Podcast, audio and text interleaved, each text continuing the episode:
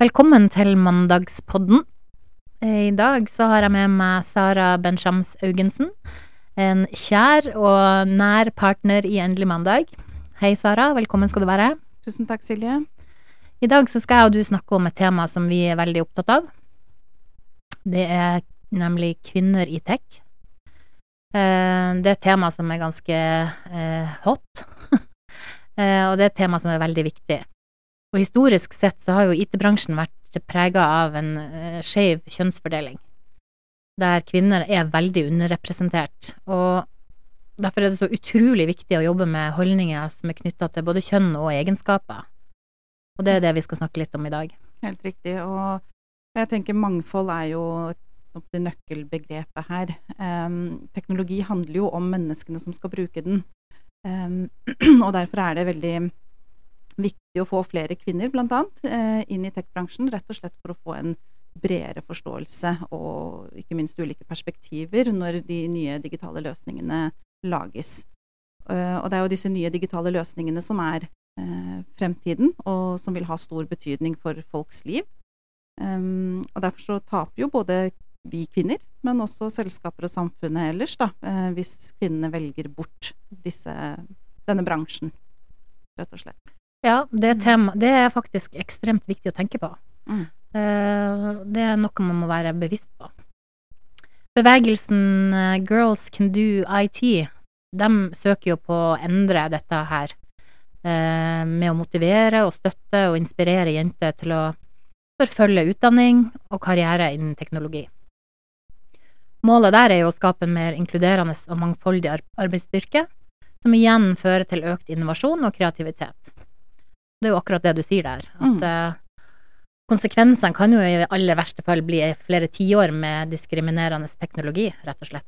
Helt riktig. Og, og i dette arbeidet så er jo rollemodeller eh, helt sentralt. Eh, rett og slett for å kunne inspirere og veilede både nåværende, men også fremtidige arbeidstakere. Og jeg og du, Sara, vi har jo to døtre, én hver, Helt riktig. eh, som begge går i barneskolen. Og de er jo også våre fremtidige arbeidstakere. Og jeg vet, vi har jo snakka litt på privaten, at vi faktisk prøver dem og inspirerer dem. Uh, uavhengig av hverandre, da, men så opplever vi at vi begge to har gjort det. Ja. Uh, og snakker litt om at det er en fremtid innen teknologi. Og koding, og at det faktisk er mulig å gjøre for jenter. Helt riktig. Jeg husker ikke hvem det var som sa dette her, men, men jeg var på et seminar hvor, eh, hvor det ble sagt at eh, Og jeg husker heller ikke hvor mange prosent, eh, men veldig stor andel barn som vokser opp i dag, kommer til å få stillinger som ikke fins i dag, når de blir voksne. Det Og det sier veldig mye. Ja, absolutt.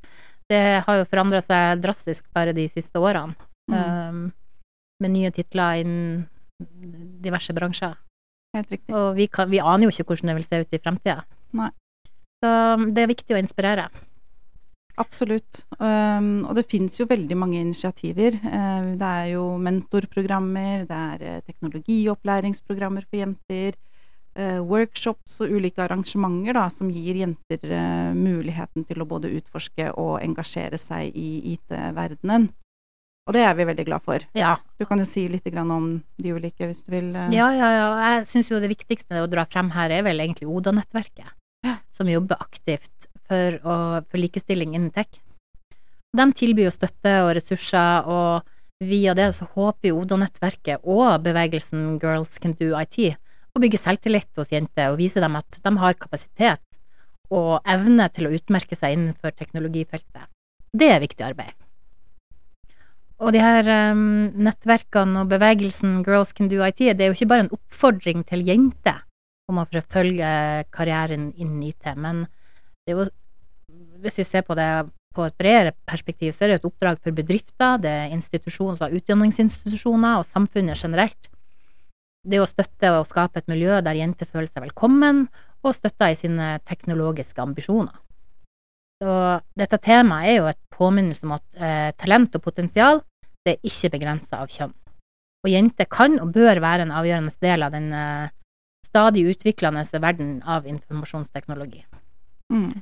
Og vi vet jo, Sara, vi har jo sett litt på det, men kan ikke du snakke litt om hvordan det egentlig ser ut i dag? Og hva, det, hva, hva skal til for å få flere kvinner inn i IT-bransjen? Ja, og det, det ser jo ikke bra ut. Eh, ifølge tall fra SSB i 2023 så er kun 29% av ansatte i tech i Norge kvinner. Eh, og tall fra IKT Norge og Abelia viser at Norge allerede mangler 15 000 IT-folk, og verre skal det bli. Eh, eh, innen 2030 så vil tallet stige til 40 000. Eh, og det Det er mye. ja, Disse stillingene skal, eh, skal Det kles av noen. bekles av noen, og Mm. her er det eh, Ja, det viser hvor viktig det er da å få inn kvinner. eh, Ja, for jeg, jeg tenker at hvis ikke vi får inn nok uh, nye Altså at kvinner også trekker mot tech, så klarer vi aldri å nå de målene. Nei. Så enkelt er det jo. Så enkelt er det, og, og generelt tenker jeg at det er uh, viktig å tenke mangfold som konkurransefortrinn. Ikke nødvendigvis bare kvinner, selv om det er jo det temaet er, men, Mm. men likevel å tenke mangfold som konkurransefortrinn er noe av det viktigste organisasjoner eh, gjør. Eh, og, og både si, organisasjoner og ledere generelt må jo sette, starte med å sette tydelige mål eh, og strategier for å øke kvinneandelen, og, og det må jo kommuniseres veldig tydelig. Mm. Det er liksom første pri. Vi har snakka litt om det eh, Vi snakker ofte om det, egentlig. Men hva er det bedrifter kan gjøre for å tiltrekke, og kanskje utfordre seg sjøl på, for å få mangfold? Hva er det de konkret kan gjøre? Ja, det er jo mange ting, men, men jeg tenker eh, Start i det små. Altså jeg tenker bare når du, når du formulerer en stillingsannonse. eh, ikke, ikke bare ramse opp teknologi. Jeg tenker det er utrolig viktig å ha fokus på myke verdier, da. Såkalte myke verdier, og, og dette med work-life balance. Eh, mulighet for hjemmekontor, være litt fremoverlent når det gjelder eh, graviditet og, og permisjoner, f.eks.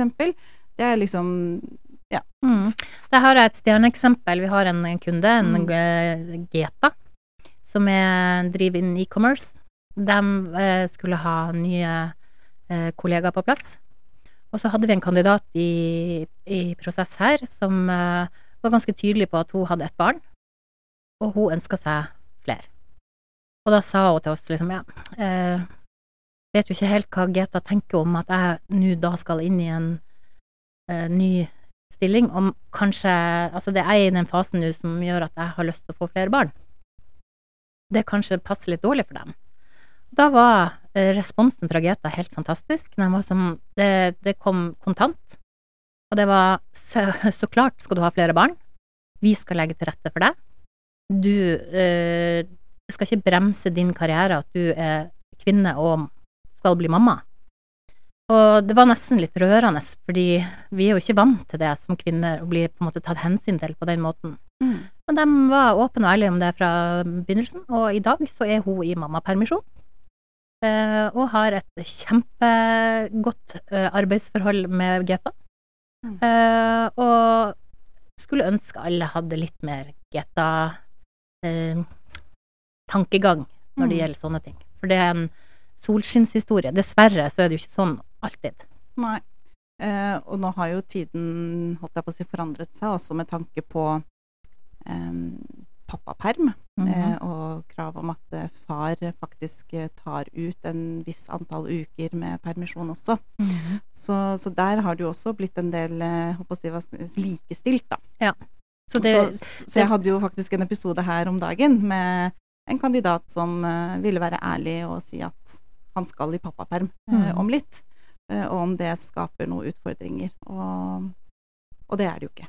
Ikke sant? Så det, det går jo egentlig begge veier, den, absolutt. det også nå. Det er jo bare det at en positivt. kvinne skal i tillegg til å på en måte være i permisjon, også bære frem det her barnet. Absolutt. Og det kan jo føre med seg ikke uheldige situasjoner, men at man trenger litt ekstra tid hjemme, man trenger litt ekstra tilrettelegging av og til. Mm. Men vi må slutte å være så gammeldags at eh, en graviditet skal på en måte stoppe en god arbeidstaker fra å uh, bli ansatt. Fordi eh, man er rett og slett er kvinne. Vi må være forbi det nå, altså. Helt klart. Ja, jeg håper vi er langt forbi det. Um, og, og vi, Silje, vi jobber jo med rekruttering hver eneste dag. Og vi rekrutterer jo innenfor IT- og tech-bransjen, og jeg tenker eh, vi har jo med dette da en utrolig viktig rolle eh, hver eneste dag og å ha fokus på, på, det temaet vi snakker om i dag. Og, og mm, jeg er jo veldig stolt over å få lov til å være med og jobbe for Endelig mandag. Um, vi bruker jo AI ja. i flere ledd, og det gjør vi også når vi skal kartlegge kandidatene mm. og matche de til riktig arbeidsgiver. Og det må jeg jo på en måte presisere her, at vi, vi fokuserer jo på å matche uh, medarbeidere til arbeidsgiver, ikke nødvendigvis en stilling. Mm. for det er viktig for oss at de deler selskapets verdier og visjoner og ja, at kandidatene opplever at de kan fortsette å vokse. Men, men eh, poenget her er at vi, vi, bruker AI også i denne prosessen som et ledd i kartleggingen. Så, så gjennomfører kandidatene som vi er i kontakt med, et AI-intervju. Og dette AI-intervjuet, den er jo det, er helt, eh, det tar bort skjønn og bias i sin helhet i denne prosessen. Ja, det er vi veldig stolte av. For øvrig veldig stolt av at du jobber i Endelig mandag som partner òg. Veldig glad for å ha deg, Sara. um, Ja, og vi gjør jo flere ting, selv om vi har AI i bunn, uh, som tar bort, som sagt, som du sier, bias. Det, det, finner, det eksisterer ikke i, i AI-verden. Um, så lærer vi også opp kundene våre. På en måte ikke belære, men uh, utdanne dem på våre erfaringer og, og, slikt. Og da kommer vi litt tilbake til det vi snakker om stillingsannonser. Uh, tenke litt nytt når det gjelder det, fordi vi vet av erfaring av at kvinner søker ikke like ofte på utlyste stillinger som menn. Mm. Og det er jo uh, av den enkle grunn at er ikke en kvinne kvalifisert nok på alle punktene, så tenk at eh, da er hun ikke kvalifisert for jobben. Nei, og når det da er ramsa opp en hel haug av teknologier og forventninger og osv., så, videre, så så tenker man fort at nei, her, eh, her sjekker ikke jeg av på alt, så da er det ikke noe vits å søke engang. Mens menn gjør jo ikke det. De, de, sjekker av på tre og søker og tenker at de er overkvalifisert. Dette klarer jeg. Eh, veldig mm. ofte. Det er jo ikke alltid sånn. Det skal ikke, det skal jo ikke, vi sitte her og si, men, men det, vi ser et mønster, i hvert fall. Absolutt. Mm. Så kan man jo diskutere litt hva det er. Vi har jo snakka litt om det også, men uh, den her uh, type flink pike-syndromet, det må vi få bort. Mm. Og det handler jo også litt om det vi har snakka om i dag. Uh, å komme seg inn i et mannsdominert yrke, eh, være tørre på en måte å utfordre status quo. Og det klarer vi ikke med et sånt syndrom gående. Tenk at det heter et syndrom. Det er helt forferdelig. Eh, eh finnes det en flink, flink mann-syndrom? Nei. Nei. Hvor, hvorfor har vi et syndrom som sier at en pike som er flink, har et syndrom? Jeg, jeg syns det er helt hårreisende å tenke på. Så dette må vi jo fokusere litt på. Mm. Eh, kanskje man skal begynne i det små på barneskolen og si at eh, flink pike kan du være sjøl. Helt riktig. Sara, det har vært kjempehyggelig å ha en uh, liten prat med deg på podkasten vår i dag. Veldig jeg, hyggelig å få lov til å være med. Ja, det, er, det, her er kjempegøy. Og jeg merker jo at vi har mange ting vi skal snakke om. Blant annet det her Jeg tror det her flink pike-syndromet fortjener en egen podkast. Kanskje vi skal ta den på 8. mars, kvinnedagen. Ja, vi får se. Vi får se. Men uh, følg med.